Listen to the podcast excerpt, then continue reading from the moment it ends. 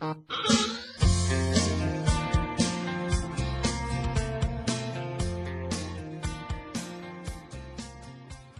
is Goed Gedacht, de podcast van Chris Taas.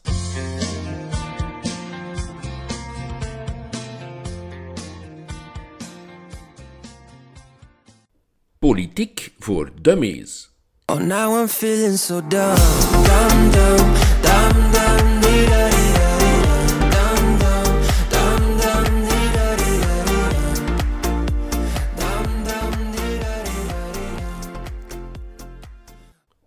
Vandaag de prijzen uit het oosten.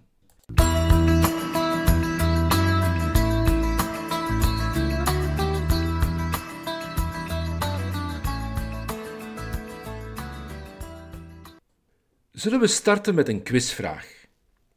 Wat is het verband tussen de torenhoge gasprijzen, de aanslepende dreiging aan de oostgrens van Oekraïne, de soldaten op het Zweedse eiland Gotland, de desinformatie bij de verkiezingen in de VS en het Sputnik-vaccin? Antwoord: het Kremlin. Wees gerust, ik ben geen liefhebber van complottheorieën en ik ga er niet van uit dat er ergens een alomvattend plan, met hoofdletters, bestaat om de wereld, ook met hoofdletter, om zeep te helpen. Maar de slinkse politieke praktijken die op internationaal niveau vanuit Moskou worden aangestuurd, zijn te opvallend en ronduit te gevaarlijk om ze zomaar te negeren. De Russische economie zit in slechte papieren. Dat zorgt ervoor dat de populaire steun voor het beleid van Vladimir Poetin onder druk komt. Als mensen geen brood op hun bord krijgen en in de winter kou lijden, dan hebben ze weinig boodschap aan de grote toespraken of belegen beloften. Dan beginnen ze na te denken over de vraag of het misschien anders en beter kan. En dat is aardsgevaarlijk voor een autoritair systeem. Denk maar aan de opvallende manier waarop Rusland de laatste maanden enkele naaste buurlanden militair ter hulp snelde, omdat de bevolking ook daar begon te protesteren tegen hele of halve dictators. Lukashenko in Wit-Rusland en Tokayev in Kazachstan. Voor alle betrokkenen was dat cynisch genoeg een win-win operatie.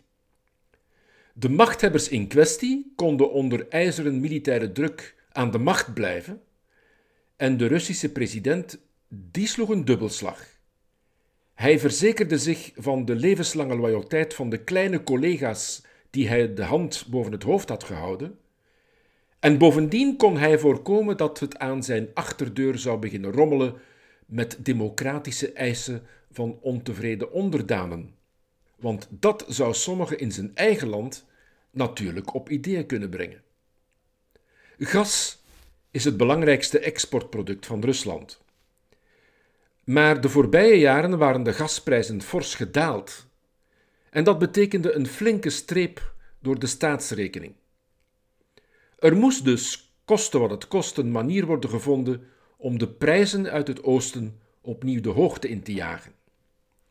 Jarenlang werd er gepalaverd en over en weer gepraat tussen de grote gasexporterende landen, maar er werd geen akkoord bereikt, tot president Poetin zijn wit-Russische collega, die hem nog een faveurtje schuldig was, plots deed verklaren dat de gastoevoer zou worden afgesloten. Want iedereen weet, wanneer iets schaars wordt, dan gaat de prijs de hoogte in. In 2014 had de Russische president dat dreigement nog zelf geformuleerd, toevallig toen er ook wat commotie was rond de Krim. Nu kon hij het laten uitspreken door iemand met wie hij uiteraard niets te maken had. Het resultaat van die aankondiging was even voorspelbaar als spectaculair. Op de wereldmarkt schoten de gasprijzen door het dak nu was het alleen nog zaak om de kunstmatig gecreëerde crisis zo lang mogelijk te laten aanslepen, zodat de financiële bonus zo groot mogelijk zou zijn. Oekraïne is ook een belangrijke speler in de gasvoorziening van Europa, want de belangrijkste gasslagader loopt door dat land. Zou het puur toeval zijn dat Rusland het al lang aanslepende grensconflict met Oekraïne net nu op de spits drijft? Door er honderdduizend zwaar bewapende soldaten met tanks en raketwerpers naartoe te sturen? Zou dat niet eerder bedoeld zijn als signaal om vooral niets tegen Rusland te ondernemen en leidzaam de stijgende gasprijzen te ondergaan? Het Zweedse eiland Gotland werd recent ook het doelwit van de Russische marine. Het bekleedt namelijk geostrategisch een sleutelpositie in de Baltische Zee. Zweden en Finland zijn momenteel geen lid van de NAVO en Rusland heeft al verschillende malen duidelijk gemaakt dat men daar ook niet moet aan denken, omdat dan het evenwicht tussen het westerse en het oosterse machtsblok zou worden verstoord. Alsof Finland en Zweden tegen hun wil in eerder aanleunen bij de Europese Unie dan bij het CSTO, de collectieve veiligheidsverdragsorganisatie van landen die onder de Russische militaire paraplu willen of moeten schuilen. Dat belette niet dat de Russische landingsvaartuigen, die kunnen worden gebruikt bij een invasie, dagenlang intimiderend dicht bij de kust van Gotland postvatten. Om ervoor te zorgen dat de westerse landen zich niet te veel zouden kunnen inlaten met het machtsspelletje, werden in dezelfde periode cyberaanvallen gelanceerd op een aantal belangrijke militaire en burgerlijke doelwitten. Zo werd op 16 december vorig jaar een zware cyberaanval uitgevoerd op het Belgische leger. Na een maand is de schade nog steeds niet helemaal hersteld. En dat is dan nog klein bier vergeleken met het systematisch verstoren van de communicatiemiddelen van de Oekraïense overheid. Cybercriminelen zetten zelden hun handtekening op de plaats van de misdaad, maar zeer veel wijst in de richting van de beer uit het oosten. De desinformatiecampagnes van autoritaire regimes zoals Rusland en China hebben overigens niet alleen een operationeel doel, namelijk het uitschakelen of bemoeilijken van communicatie. Op andere momenten en onder andere vormen zorgen ze voor het bewust oppoken en in stand houden van scherpe tegenstellingen en meningsverschillen tussen mensen en groepen. Op die manier raakt een samenleving gedestabiliseerd en worden er haast onoverbrugbare tegenstellingen gecreëerd. Kijk maar naar wat er aan de gang is in de Verenigde Staten. Daar krijgt oud-president Trump nog steeds een megafoon om zijn alternatieve waarheid uit te schreeuwen dat hij de presidentsverkiezingen van november 2020 zou hebben gewonnen. Die alternatieve waarheid is niets minder dan een flagrante leugen. Maar door de oplopende polarisatie bestaat er geen gemeenschappelijke feitelijkheid of gemeenschappelijke waarheid meer. En als die tendens niet wordt gestopt, leidt dat onvermijdelijk tot een verbrokkeling van de solidariteit, tot een atomisering van de samenleving en tot het ondergraven van de democratie. Wat kunnen wij dan doen tegen de machtspolitiek van autoritaire regimes? In de eerste plaats moeten we onze gemeenschappelijke waarden en doelen veel uitdrukkelijker samen definiëren, uitdragen en koesteren.